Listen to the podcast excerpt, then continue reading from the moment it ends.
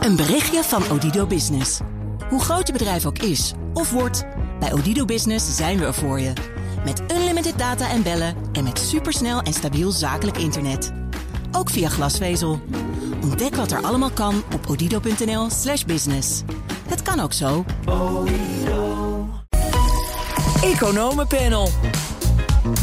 Een studiegroep van experts heeft in opdracht van de Tweede Kamer onderzoek gedaan naar het beleid van de ECB. En veel studenten lopen tijdens de coronacrisis studievertraging op. En dat heeft uiteindelijk ook gevolgen voor de economie.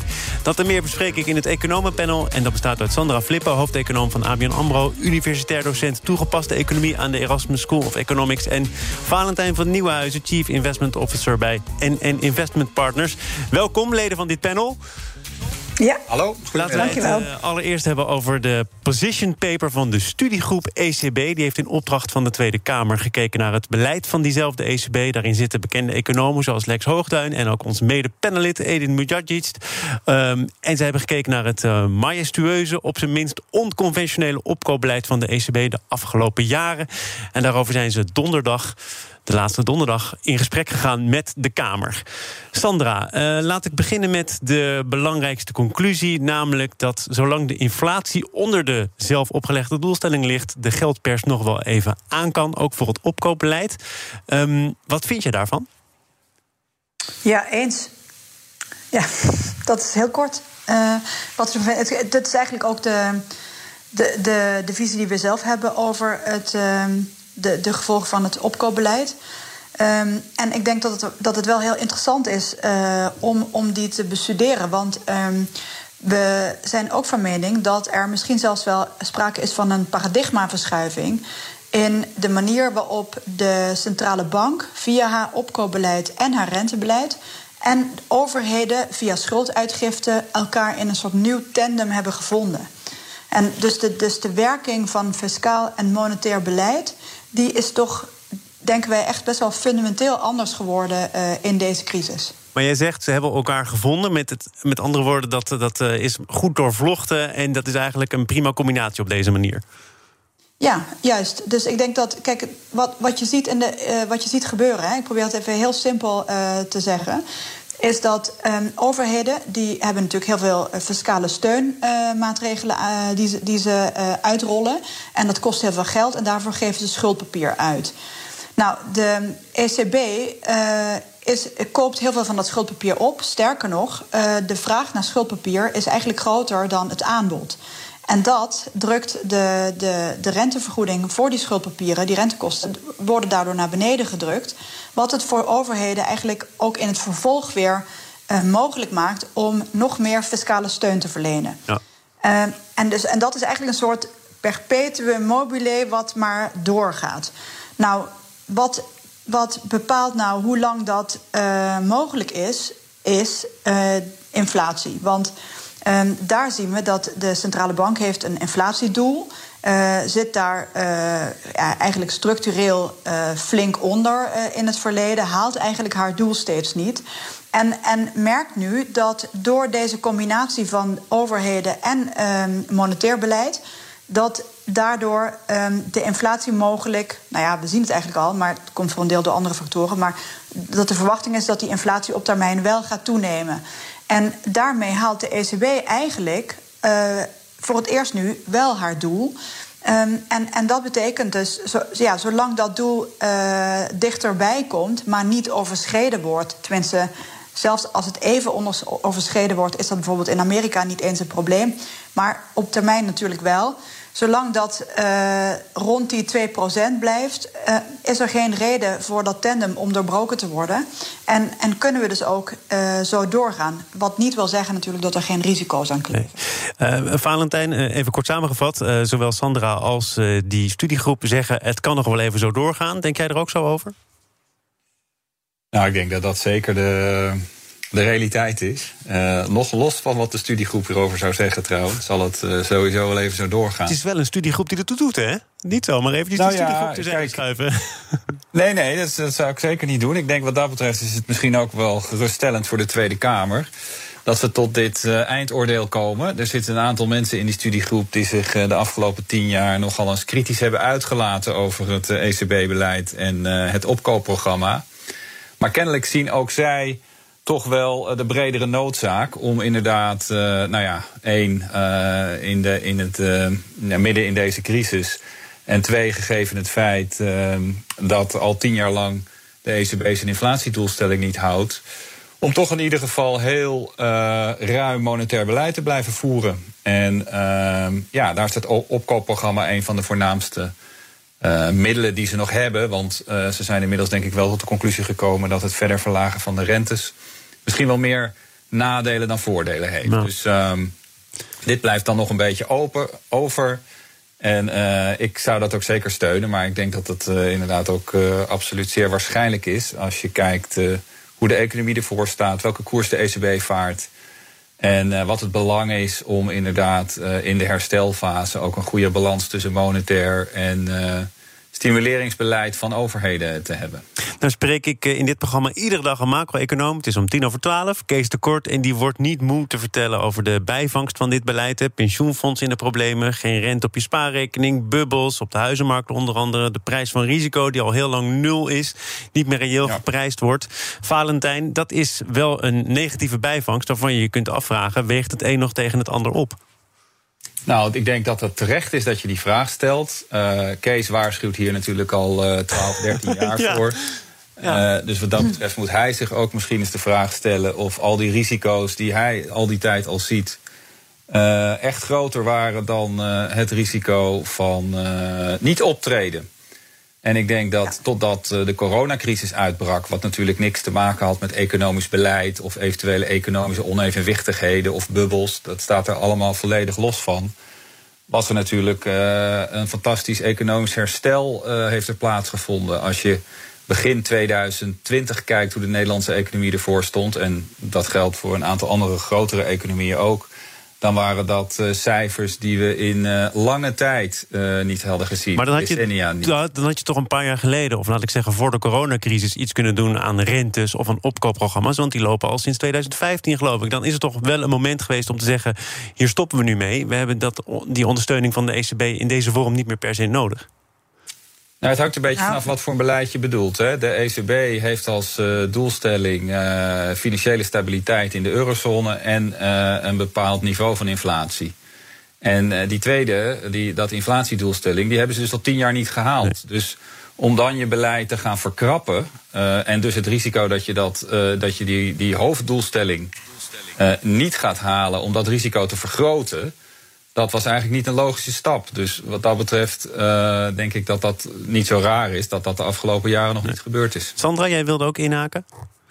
Ja, nou ja, ik denk dat... Um, Valentijn legt het volgens mij heel mooi uit daar. Um, en daar ben ik helemaal mee eens.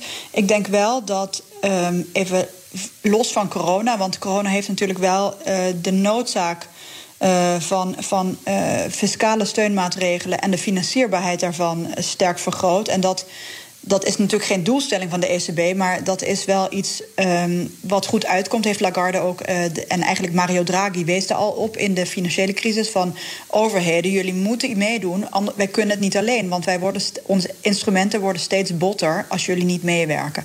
Nou, dat was eigenlijk uh, altijd al de oproep en nu is er aan voldaan met hele goede reden natuurlijk, want we hebben een ongekende uh, crisis te pakken. Maar uh, heel fundamenteel zou je zelfs kunnen zeggen ja, dat, dat uh, Kees die die, die die zorgen uit wel een punt heeft in de zin dat um, er een moment komt, en dat is ook onder economen bekend, dus er is een moment waarop een verdere renteverlaging meer kosten met zich meebrengt dan dat het iets oplevert. En dat noem je de reversal rate. Dus zeg maar, dat is het, het, het, het punt in de, in de rentestand waarbij nog een verlaging eigenlijk desastreuzer uitpakt dan, dan, wat je, dan de ellende die je ermee voorkomt. Alleen het lastige is, niemand weet waar dat punt ligt. En uh, de laatste studie die de ECB daarna heeft gedaan, die leek eigenlijk te suggereren dat dat nog een heel stuk lager ligt dan waar we nu zitten dat is eigenlijk het enige wat we daar uh, met enige redelijkheid over kunnen zeggen. Ja. Sandra, jij sloot je, je eerste antwoord af met uh, dat het te verklaren is dat de beleid er zo uitziet als het er nu uitziet, maar dat dat wel risico's met zich meedraagt. Welke risico's zijn dat? Moet ik dat zien in, in toch een enorme berg aan schulden die op een gegeven moment wel betaald moet worden en als de rente oploopt uh, wel een behoorlijke hindernis ja. zal zijn? Ja, Dat is het risico. Dus, um, en, en we zien bijvoorbeeld, kijk, dat is dus nu even een vraag die in Amerika vooral uh, speelt. Want in Europa is het eigenlijk vooral zo dat dat de, de welvaartsschade die nu plaatsvindt, uh, daar staat eigenlijk geen fiscale stimulering tegenover. Um, die de welvaartsgroei zodanig snel zou laten stijgen dat, dat uh, snelle inflatie een, een reëel gevaar is. In Amerika is dat wel wat anders. Um, dus, daar, dus zeg maar de, de, de hoeveelheid fiscale stimulering die Biden met uh, uh, 1,9 biljoen nog bovenop de massale steun nog wil gooien. En dat is nog niet eens meegenomen als een klimaatinvesteringen.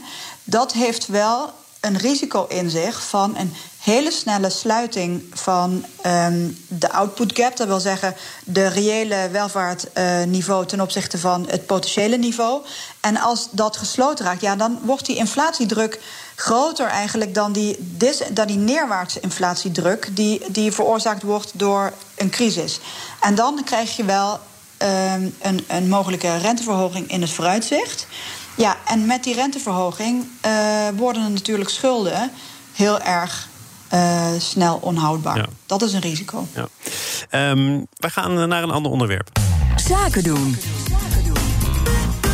dat wel in het verlengde ligt van wat we zojuist bespraken. En we, dan bedoel ik het economenpanel. Sandra Flipper, hoofdeconoom bij ABN AMRO... universitair docent toegepaste economie aan de Erasmus School of Economics... en Valentijn van Nieuwenhuizen, Chief Investment Officer bij NN Investment Partners. Uh, over die lage rentes, ingezoomd op het beleid van financiële instellingen die beleggen... zoals verzekeraars, pensioenfondsen, daar zie je een search for yield. Bert Kramer en Bo Soederhuizen schreven er in een economisch vakblad over... dat jullie wel kennen, ESB. Uh, Valentijn, om te beginnen, wat is precies de search for yield? Ja, dat is eigenlijk een, een term die de laatste jaren, uh, ik denk echt al vier, vijf jaar in uh, financiële markten zeer veel gebezigd wordt. En het wijst eigenlijk op een zoektocht naar uh, ja, een hoger rendement op andere plekken dan waar je misschien traditioneel belegt als belegger of als financiële instelling.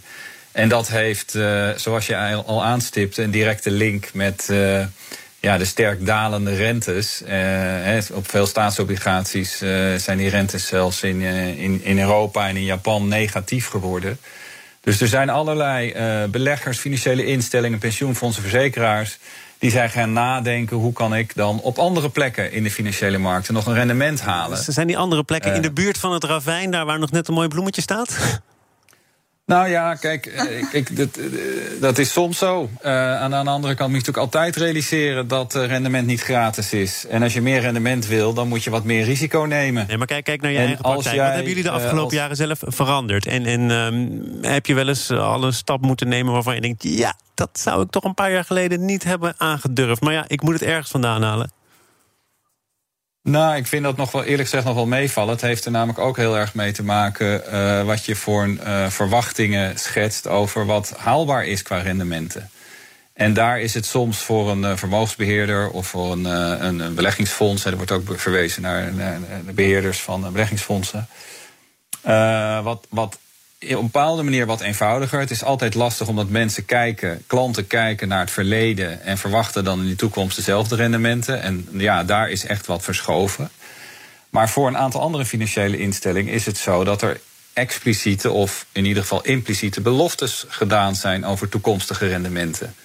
Ja, en dan is het veel lastiger. Want als een groot deel van jouw rendementen uit staatsobligaties kwam, die relatief veilig waren, en je hebt uh, toch de verwachting gewekt of beloftes gedaan om in de toekomst dezelfde rendementen te gaan leveren. Terwijl er zo'n enorme verschuiving is in financiële markten. Ja, dan moet je wel wat anders. Dus dan moet je inderdaad op andere plekken gaan zoeken. Maar jullie zeggen tegen klanten, jullie zeggen tegen klanten dus dat het er niet in zit de komende tijd, omdat uh, de omstandigheden zijn veranderd en je dus niet meer kunt rekenen op dat soort hoge rendementen die in het verleden wel te realiseren waren. Ja, of nou ja, dat je dus inderdaad goed kijkt naar als, uh, als een klant de wens heeft om wel veel staatsobligaties aan te houden, dan moet je je rendementsverwachtingen bijstellen. Dat is denk ik een hele duidelijke boodschap. Of je moet inderdaad overwegen om het karakter van je portefeuille te verschuiven. En dat betekent helemaal dat je onverantwoorde risico's neemt. Maar het betekent wel dat je bijvoorbeeld meer bedrijfsobligaties of meer aandelen gaat aanhouden. Die geven ook meer rendement. Maar die geven ook wat meer risico, wat meer uh, bewegelijkheid, wat meer onzekerheid. En daar moet je, dat moet je dan wel aankunnen. Dus dat is eigenlijk het gesprek wat je voert met klanten. Sandra, wanneer wordt dit gevaarlijk, deze search for yield? Ja, ik denk dat, dat het belangrijk is om hier onderscheid te maken tussen uh, de, de individuele beleggingsafweging en uh, de macro-implicaties.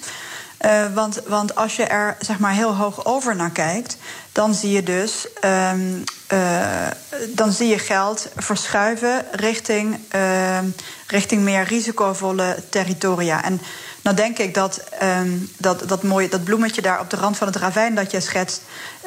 Dat is wat te sterk uitgedrukt voor, voor de echte grote instituten... zoals uh, pensioenfondsen bijvoorbeeld met heel veel beheerd vermogen.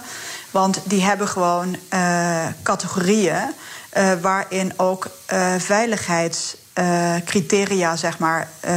dus die hebben bepaalde mandjes. En, en, en je moet altijd zorgen dat uh, je kunt wel risico nemen binnen zo'n mandje, net als met de begrotingskaders. Maar je kan niet zo makkelijk uh, alles in het meest riskante mandje. Dus dat alle ballen op dat ene bloempje aan het eind van het rovijn, dat zal je bij een pensioenfonds absoluut niet zien. Maar dat komt ook omdat dus, er een toezichthouder is die dat verbiedt.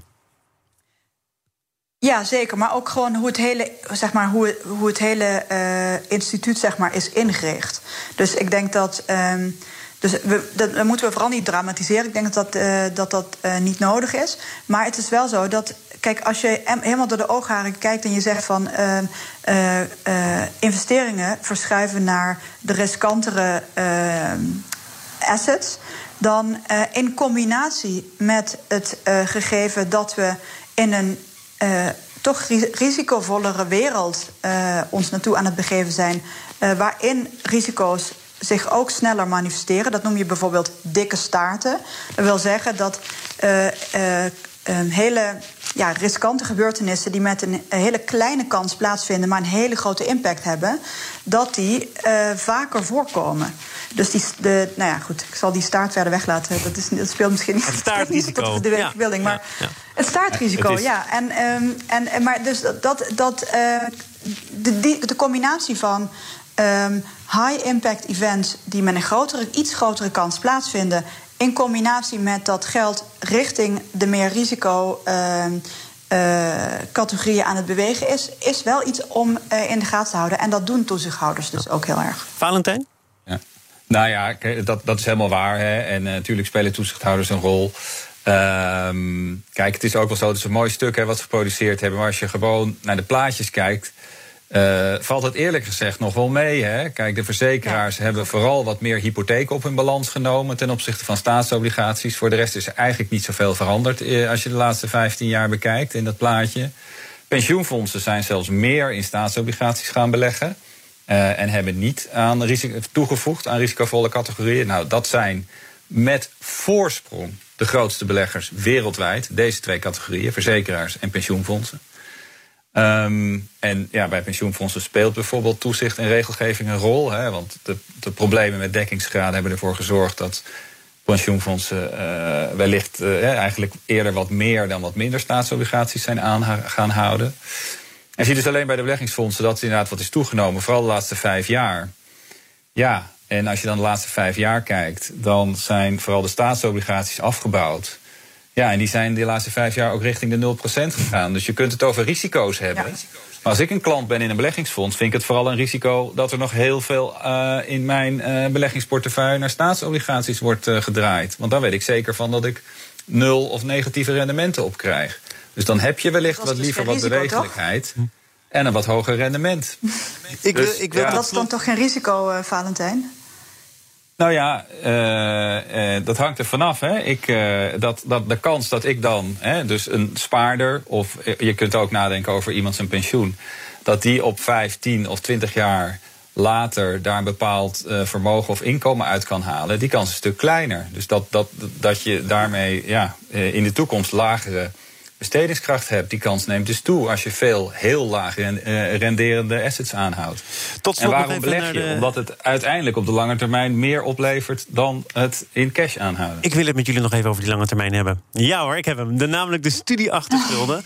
uh, er is vorig jaar een aantal studies verschenen, onder andere uit Maastricht en Oxford, waarin de studieachterstand is gemeten. En uh, die is precies zo groot als de coronacrisis. En dat zou betekenen dat er door leerlingen op verschillende niveaus nagenoeg niks is geleerd. En er zijn de afgelopen tijd ook wel wat economen geweest. die, zij het uh, op de achterkant van een bierveeltje. hebben uitgerekend wat dat ook aan economische schade kan opleveren.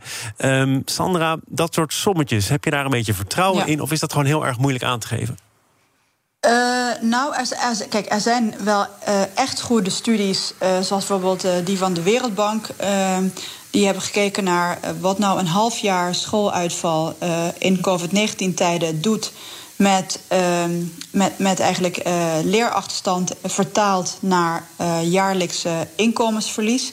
En dan heb je het over, nou ja, dit is echt heel kort door de bocht. Wereldbank doet natuurlijk studies over de hele wereld.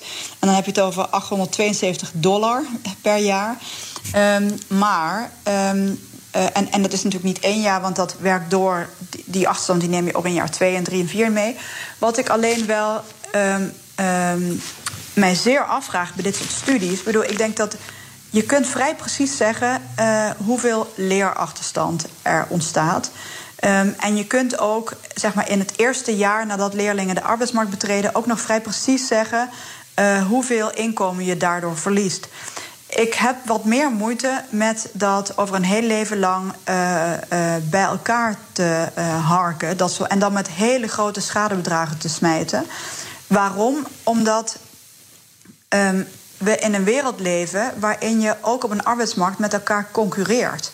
En um, als jij dus uh, leerachterstand hebt, maar jouw buurman of alle leerlingen in jouw buurland hebben wel gewoon vol uh, uh, les en, en, en, en, bereiken daarmee volledig voorbereid en um, zeg maar intelligent de arbeidsmarkt. En, en, en bij ons zijn die leerlingen enorm achtergebleven. Ja, dan dan heb je massieve uh, concurrentienadelen als, als, als werknemer. Maar dat is niet het geval. De hele wereld staat stil. Uh, en, en sterker nog, uh, als je Nederland bijvoorbeeld vergelijkt met, met landen waar de digitale leermogelijkheden uh, afwezig zijn, dan denk ik dat we nog van geluk kunnen spreken. Neem niet weg dat, dat uh, Lex Borgans van de Universiteit Maastricht, dus een onderwijseconoom, die heeft voor met hele goede data heeft hij in Maastricht gekeken. Wat is dan die achterstand uh, in Maastricht? En dat is natuurlijk hetzelfde als in de rest van Nederland. En eigenlijk um, is op uh, bijvoorbeeld begrijpend lezen... wordt gewoon nul geleerd. Er is, de, de, er komt, is gewoon geen vooruitgang bij die leerlingen. En met name in de beginklasse van het basisonderwijs en in groep 8. Dit is dan over de basisschool. Uh, maar goed, dus dat, dat, dat zal bij um, opleidingsinstituten uh, zoals universiteiten of hogescholen niet heel veel anders zijn. Nee. Hoewel je daar meer autonomie kan verwachten. Maar het punt is dat um, uh, die achterstand is er. En, en veel van de schade zal hem trouwens ook zitten in de, in de niet-arbeidsmarktschade. Namelijk als jij in een ontwikkelingsland leeft, dan is een jaar niet naar school met een hele grote kans ook nooit meer naar school, nee. omdat je dan zwanger bent in dat jaar. Ja. Um, dus ik denk dat we. Ja, ik denk dat, dat het. Ja, ik zou zeggen, we moeten voorzichtig zijn met dat uh, kwantificeren. Tegelijkertijd, als je het niet kwantificeert, word je natuurlijk uh, moeilijker gehoord. Uh, in, een, um, in, in een wereld, in een beleidswereld waarin iedereen met miljarden strooit in termen van de geleden schade. Dus ik snap het ook weer wel. Ik kan helaas niet meer strooien met meer tijd. Het zit erop. Sandra Flippen, hoofdeconoom van ABN AMRO... universitair docent toegepaste economie aan de Erasmus School of Economics... en Valentijn van Nieuwhuizen, Chief Investment Officer bij NN Investment Partners. Zometeen trappen we onze reeks af met de woordvoerders economie... van verschillende politieke partijen. Te beginnen met Mahir Alkaya van de SP. Een berichtje van Odido Business. Hoe groot je bedrijf ook is of wordt... bij Odido Business zijn we er voor je... Met unlimited data en bellen en met supersnel en stabiel zakelijk internet. Ook via glasvezel. Ontdek wat er allemaal kan op odido.nl/slash business. Het kan ook zo.